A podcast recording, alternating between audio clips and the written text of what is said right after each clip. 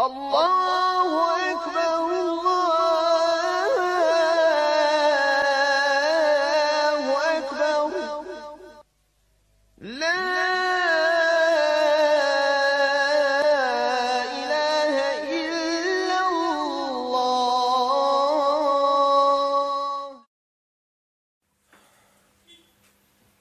بسم الله والصلاة والسلام على رسول الله صلى الله عليه وسلم. Mi smo, braćo, prošli puta govorili o, o znanju. I nismo završili, pa ćemo nastaviti.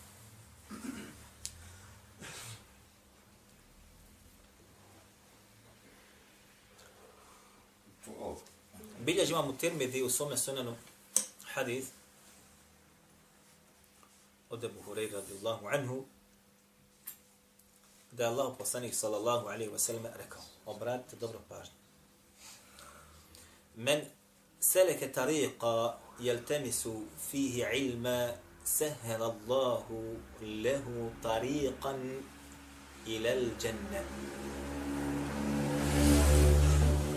Kaže Allah poslanik sallallahu alaihi wa sallam, ko bude izašao na put, tariq je put, jeltemisu fihi ilma. Al-lems jeste dodir. Ali ovdje dodir da bi kaže na tome putu naučio nešto znanja. Jel temis, što bi rekli mi, makar nešto da nađe na tom putu. Kad krene da traži to znanje, makar nešto da se okoristi. Makar. Sehelallahu lehu tariqa ilal dženne. Allah Đelešanu će takvome insanu i osobi olakšati put ka džennetu. Ovo je rivajat kod imama Termide u njegovom sunenu.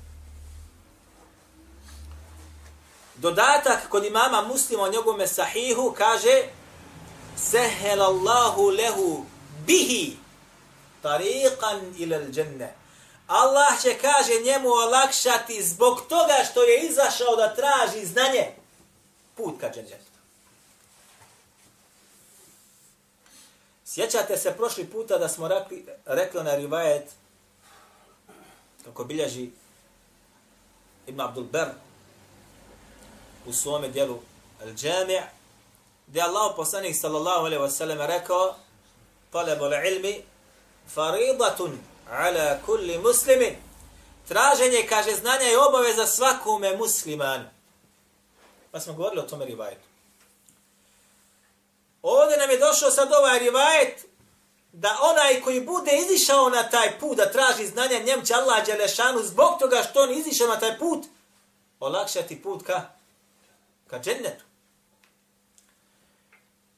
Kažu islamski učenjaci, kada ova oba dva rivajeta uzimaju, kaže ovako, Obavezno ti je izaći da tražiš. Obavezno svakom muslimanu da izađe traži znanje. Ali nije mu obavezno da Allah Đelešan da mora da ono što je izašao traži da nauči. Nego se od njega traži izađi, probaj, pokušaj. I što god nađeš na tom putu, makar malo, sa tim malo što si ti uradio, bit će ti olakšan put ka džennetu. Između ostaloga kažu islamski učenjaci se bihi se lehu bihi tariqan ila dženne kaže Allah će njemu olakšati zato što je on izašao da traže znanje put ka džennet odnosno da će mu olakšanje prilikom rađenja dobrih dijela a klonjenja loših.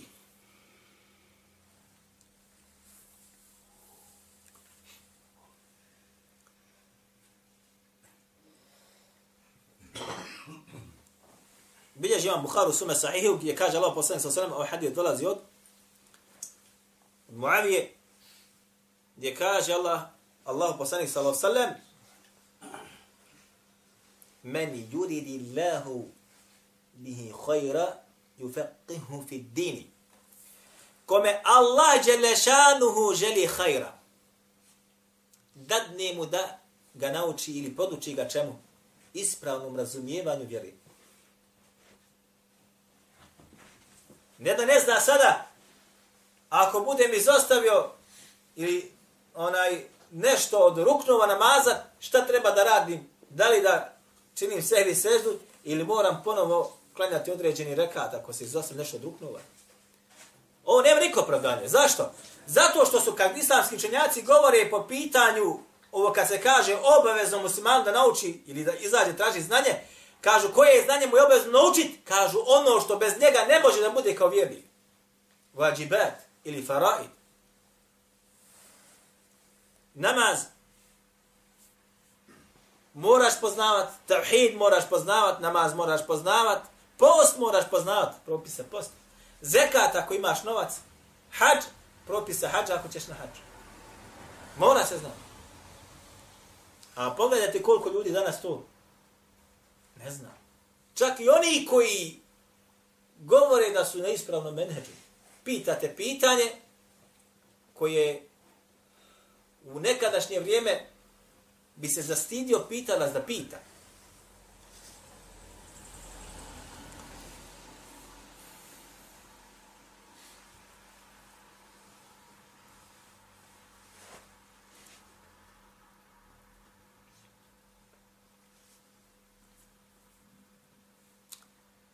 Braćo ima jedno dijela, zove se Muđalise, El Muđalisetu. Napisao ga je Ebu Bekr Ahmed ibn Majmun, poznati od islamskih od učenjaka haditha, da da putni ga cijenio slavi, međutim ostali islamski učenjaci su onaj, napisao jedno dijelo vrijedno, jako vrijedno. Ima puno slabih rivajeta kod sebe. Međutim, navodi tamo nama jedan rivajet od Al-Fudaila ibn Iyaba, koji je rekao Ma ahadun min al-ulama illa fi vajhi nadra. Kaže, nema ni jednog islamskog učenjaka da na svome, kaže, licu nema nadbre. Šta mislite, šta je nabra?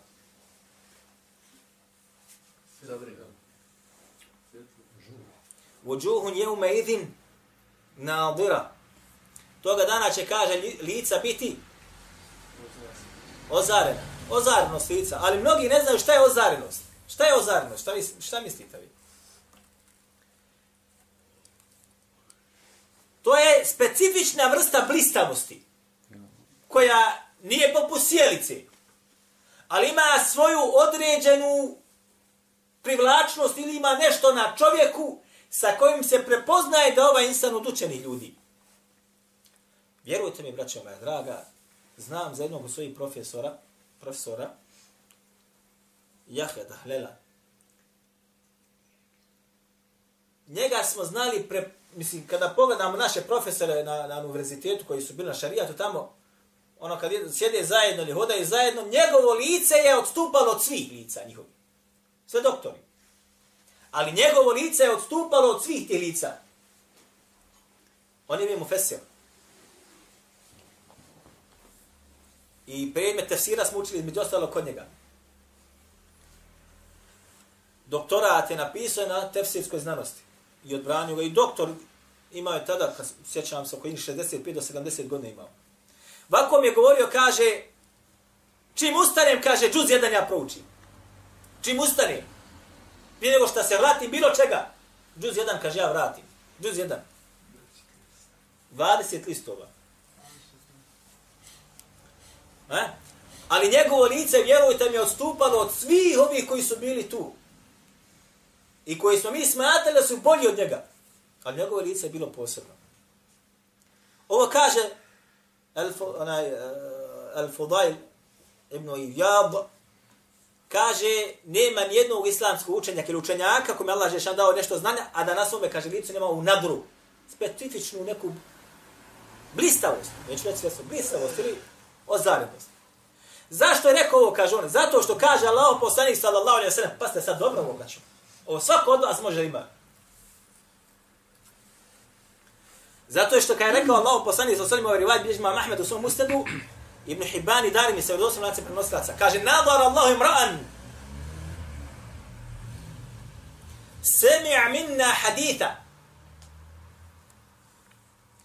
فبلغ nadarahu febellagahu kema sami'ahu. Kaže, nadar Allahu imra'an, nadarao, opet dolazi. Allah, kaže, učinio blistavim lice čovjeka, koji kada je čuje od nas hadith, ovo kaže Allah poslanik sallallahu sallam, a zatim da kaže prenese nekome kao što ga je čuo. Zatim ga prenese kao što ga je čuo. Ovo je dova Allahog poslanika sallallahu alaihi wasallam za svakog onoga koji bude šta? Čuo za neki hadith od Allahog poslanika sallallahu alaihi wasallam, a zatim ga uradi šta? Prenese ga onako ko što ga naučio ili čuo. U rivajetima koji je zapamtio. Jel teško zapamtiti hadith? Evo, nadar Allahu imra'a. Semi' minna haditha. Jel teško? Teško je za onoga koji tek počinje. I za onoga koji još nije krenuo tim stopama. Međutim, Allah subhanahu wa ta'ala, kad insan krene, otvara. Sad zamislite koliko je islamskih učenjaka danas koji postoji, koliko haditha su izrekli. Koliko su hadisa prenijeli. Onako kao što su došli od Allahovog poslanika sallallahu alejhi ve sellem.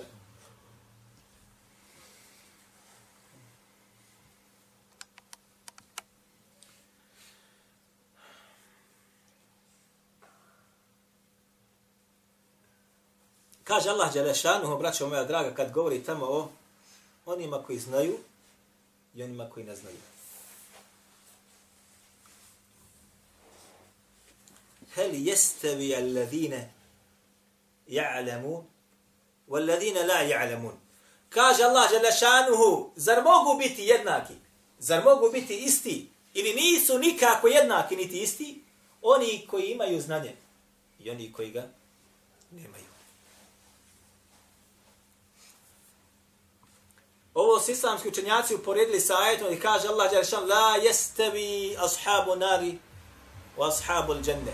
Nisu, kaže, isti nikako stanovnici vatre i stanovnici dženeta. Sad ćemo se vratiti na ovo. I ko što kaže Allah Đelešanuhu Efe neđa'al muslimine kal muđrimin Ma lekum kejfe tahkumun Kaže, zar ćemo uči, učiniti da budu jednaci muslimani I oni koji su grešnici i nevjernici, šta je vama kako to prosuđujete? Nikako ne može biti jednak. Pa kažu islamski učenjaci, kako kaže može biti jednak stanovnik vatri stanovnik dženeta? Kako može biti jednak musliman i pokvarenjak i nevjernik? Nikako. Također, kaže, ne može biti jednak onaj koji je nešto naučio i zna u odnosu na onoga koji nije to isto naučio i to isto ne zna. Blagodati znanja ne mereš nikako i prebroja. Ali insan neće da uči. Je na učenju treba sabura. Kaže Allah poslanik sallallahu alaihi wa sallam u hadithu koji bilježe Khatib al-Baghdad u svom tarihu Baghdad i bilježe go sunan al-faqih al-mutafaqih. Evo bude kod nas.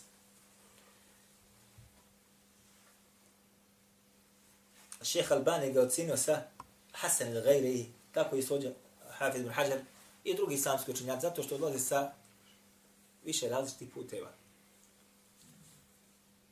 Ja ejuhan nasu, innama ilmu bit ta'allum. Kaže, o ljudi, znanje se dobija samo sa ta'allumom. Šta je to? Šta je ta'allum? Učenje. Učenje. I to da što kažu, dobro, dobro onu stolicu. Nema govora. Ne samo doći malo i gotovo. Jo, 18 sati ili 15 sati ili 10 sati, kad učiš, da provedeš sa tim. Kad uđe vrijeme da se uči. Ili dva sahata. Ili sahat dnevno. Ili pola sahata dnevno. A koliko se sati dnevno potroši u beskorisne stvari? Braćo moja draga, ja znam za islamske učenjake koji ne spavaju po tri dana. Ljude zna. I učio pred njima. Po tri dana znali bi da ne spavaju. Šta mislite zašto? Zato što on, on voli da ne spava. A?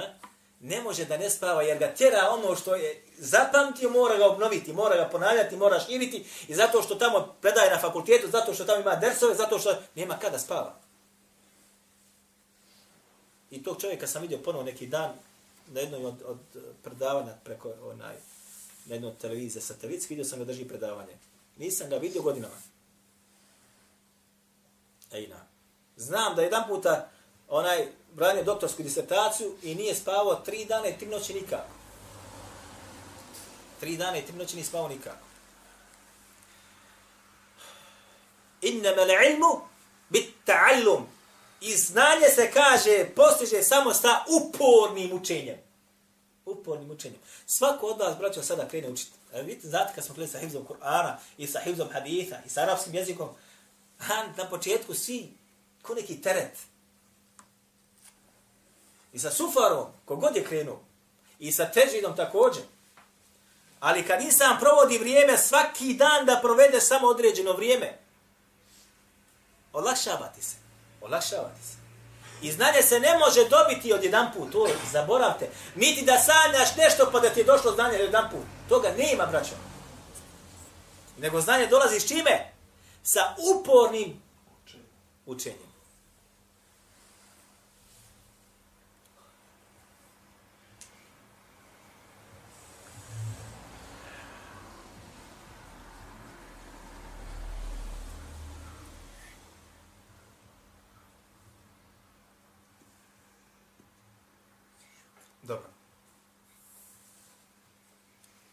Imam Buhari, braćo moja draga, je u sobe sahihu naslovio jedno poglavlje, mi smo to spominjali, a samo ćemo ovako da bacimo sad malkice zraku na to.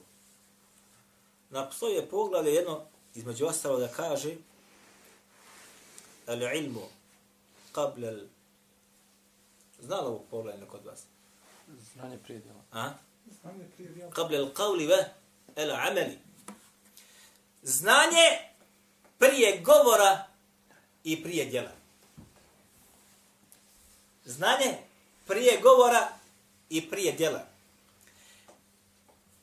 Insan koji nema znanje ne smije prednjačiti u govoru niti u djelu. Insan koji nema znanje ne smije prednjačiti niti u govoru niti u djelu. Jer sve što budeš rekao može biti neznanje I što budeš uradio može biti pogrešno. Kad se budeš naučio znanja, onda moraš i da govoriš i moraš da praktikuješ. Jer to što govoriš i praktikuješ jeste potkovan čime? Znanje. Ovoga, braćo, danas kod nas nema. Kako nema, sad ćete da vidite. Islamski učenjaci su, braćo, govorili o jednom o jednoj meseli zove se ili poglavlju fiqhul vaqija. ili propisi koji se vežu za stvarnost u kojoj se čovjek nalazi. S odnom vremenu, situaciji, prostoru. Kako da iznađeš jedan propis s odnom kuranskim tekstom ili hadijskim tekstovima u nekome vremenu i nekome pro, prostoru ili situaciji. Jedni se varaju pa kažu ovaj fiqhul vakija jeste kada je savremenog tipa. Niko kaže ovo mi nije govorio prije. Naplati braćo o ovome govorio Ibn Qajm al-đevzi. Evo tu smo donijeli u ovoj sve delu. Iramu Vakijin, mi ćemo to navesti taj citat ako bude bilo vremena. Šta znači, braćo? Iznjedravanje rješenja shodno teškoći te gobi i situaciju u kojoj se na čovjek ili narod nalazi. A da ne budeš promašio hukm. Da ne promašiš propis izvedeš pro, izvedeš rješenje, fiksko rješenje, izvedeš iz tekstova, a nisi se ogriješio od naređenja ili zabron do Allaha Đelešanu. Ovo ne mere svako. Dokaz ovom je svemu, braćo, sad da vidite kako je poslanik sallallahu alaihi wa sallam postupao. Vi znate kad su bili u mekanskom periodu, da im je bilo teško i lahko. Teško bilo. Proganjali, udarali, isterivali, zabranjivali. Nije mogo Allah poslanik sallallahu alaihi sallam dođe da klanja u mesjidul haramu danas oko, kod Kaabe nije mogao doći sa hoćom. Crijeva su od ovaca na njem leža bacali kad bio na seždi. Neki od ashaba koji su primili islam da je htio da dođe tamo da klanja kod Kabe, izudarali bi ga. Šta im kaže Allah poslanik sallallahu alaihi ve sallam kada je vidio teškoću u kojoj se nalazi? Je li im je rekao, hvatite se sablje, jer tada je braćo sablja bila jedno od najvažnijih oružja. Sablja, koplje i luk. Nije bilo automatskog oružja, niti tenkova, niti aviona. Sablje su bili. I svako je gotovo tada posjedovao nešto od ovoga. Niti je Allah Đelešanu njima tad propisao propise o borbi. Niti je Allah poslanik sa osam njima govorio, slušajte, teško, ne mene više, hajmo, pa, pa šta bude, bude. Rekao Allah poslanik sa osam A ne, kaže on njima ovako. Idite, kaže, u Habeš. I selite se u Abesiniju. Kaže, zaista se, kaže, u njoj nalazi Melikun la yuzlamu indahu ahad. Kaže, niko kod njega nije, kaže, nasilja, niko kod njega nije nepravdu kako stekao. Naprotiv, kod njega šta? Pravedno vlada. Kršćanin. Kršćanin. Kaže, sad sa osvrame, kada je vidio stanje u kojem se nalaze on, njegovi ashabi i oni koji ne mogu to da podnesu, slabašni, nejaki, kaže njima on šta, ovaj rivaj bježe Ibn Hišam u, svome, u svojoj siri, šeha Albani od sini vrdostorima u fiqhu sira od, od Gazali. Kaže, selite se, kaže, u Abesiniju, kaže, tamo ima vladar, niko kod njega nepravdu nije do... našao. Sve je pravda. Nije im rekao, uradite ovako, uradite onako, pa da budu katastrofalnije posljedice, ne kaže šta, sodno situaciju u kojoj živimo, sodno priticima, sodno stanju, uradite tako, tako i tako. Pa su se iselili. Maži. Druga situacija, poslanik sallallahu alaihi wasallam, kada je poslao Mu'ad ibn Džebela u Jemen. Šta mu kaže on? I već biš Bukhari u svom sahiju, šta mu kaže? Inneke te'ti. Ti kad dolaziš narodu ehli kitaba, kršćanima, pa neka ti bude ono prvo što ćeš ih pozivati da drugog božanstva mimo Allaha nema wa anni Rasulullah da sam ja Allah poslanik. Braćo, on nije poslanik za sada rekao tek tako. Prvo mu kaže ti dolaziš narodu takvome i takvome. Ovo govori o tome da Allah poslanik sallallahu alejhi ve poznavao situaciju u kojoj se živi, u kojoj se nalazi i šta je oko njega. Dolaziš kršćanima. Nemoj da bi radio skrova pa do temelja, nego radi od temelja prema krovu. Prvo što će sa njima da radiš jeste pozovi ih da nema drugog božanstva mimo Allaha i da sam ja, kaže njegov poslanik, sallallahu alaihi wa sallam. Nije im rekao, propiši džiziju njima odmah, niti im je rekao, beri poreze odavde, niti im rekao, protjeraj odavde, niti je rekao, zarobi oni odavde, niti suši im crkve, niti, ne, nije im to govorio. Nego kaže, dolaziš kršćanima, priprema mu teren, šalje ga tamo, poznaje situaciju, poznaje okolnosti. Ovo se zove fiqhul vakija, poznavanje sta, stvarnog stanja po pitanju pro izlačenja propisa. Ejna.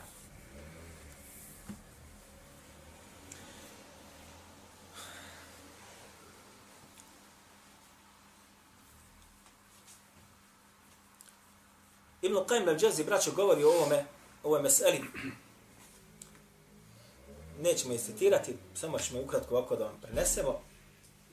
U prvom tomu je Ramu Vakaj, između ostalog gdje on kaže, vladar i ovaj pravnik ili muftija neće moći iznaći pravno rješenje nikada ili pogriješit će ga ukoliko ne bude poznavao između ostalo kaže dvije stvari. Između tih dvije stvari kaže šta? Fiqhul waqi, stvarno stanje u kojem se on nalazi. Čime si okružen? Ko je oko tebe? Ko je sa tobom? Jesi jak? Jesi slab? Da da se radi o pojedincu, da da se radi o grupi, da da se o državi. Zato Allah poslanik sallallahu alaihi wa sallame, kako kaže islamski učenjaci, to navodi šehr Islam Tejmije, kaže, znao bi ratovati sa jednom grupom ljudi, mušicima, a sa kaže istom grupom, mušicima, na drugoj strani bi kaže imao sa njima šta? Ugovore. Trgovao. Poslovao, što bi rekli mi. Sa jednom grupom kurešijama šta radi? Ratuje. A sa mušicima, recimo, je mame ili ostalog dijela, ugovore određene sa njima sklapa i, i oni ih ispoštuju. Svatate o čemu se radi? Zato što se svaka situacija veže za stvarno stanje u kojem se nalazi. U ovoj meseli mnogi danas pogotovo griješe. Što ne uzimaju u obzir situaciju u kojoj se insan nalazi. Ti dobiješ šerijatske tekstove, jedne, i kad ih dobiješ ti bi rekao, nema, idemo samo ovako, glavom kroz zid. A postoje šerijatski tekstovi također, da li iz Kur'ana, da li iz haditha, koji pojašnjavaju ovaj tekst koji si ti uzeo, smatruo ga samo ovako. Vam ga decidno pojašnjava. I to su govorili islamski učenjaci kada govori o izučavanju kuranskih znanosti. Šta su rekli? Kažu Allah Đelešan nekada na jednom mjestu samo spomene u par rečenica, u par, par riječi nešto. Na drugom mjestu čitavu priču o tome govori. Čitavu priču. Ako se zakačeš i samo za ono što je spomenuto nešto, a za postavi si priču kompletnu, nećeš se koristiti. Nećeš se koristiti. Kolika je, braćo moja draga, važnost izučavanja i traženja znanja? Govorimo sad ovaj rivajet. Od Jahije ibn Kathira, koji kaže, između ostaloga, ovo navodi Hatib el-Baghdadi u sveme djelu el-Faqih el-Mutafaqih sa vjedostim na se prenosila se i rekao. Kaže onako. Ta'alimu al-fiqhi salatu wa tadrisu al-Qur'ani salatu. Kaže istraživanje, izučavanje, kaže fiqha islamskog prava jeste, kaže namaz. I također kaže izučavanje kuranskih znanosti kaže šta? Namaz. Što je rekao ovo? Šta mislite? Zato što kaže Allah poslanik sallallahu alejhi ve selleme kada je upitan o Allahu poslanice kaže ovaj rivad navodi Buhari koje je drež Allahu dželešanu najdraže djelo. Šta je rekao Allah poslanik sallallahu alejhi As-salatu ala waqtiha. Kaže namaz u njegovom šta? Pravom ili prvom šta? Vremenu. To je najdraže djelo Allahu Đelešanu. Ovdje ovaj Ibn Kathir kaže, ja Ibn Kathir kaže šta? Ta'alimul fiqhi salatu. Va tadrisul Qur'ani salatu. Kaže, izučavanje Allahove Đelešanu vjere u propisima jeste namaz. Ima propis i stepen namaza, vrijednosti. I također kaže, izučavanje kuranskih znanosti, tefsira i ostaloga, kaže, između ostalog jeste namaz, odnosno ima propise stepena namaza. A mi jok, ne samo mi, mnogi drugi dali su, znači, sebi privilegiju da izučava ono što on hoće da izučava i kako on hoće da izučava i da svata nad trasom koju su trasirali islamski učenjaci.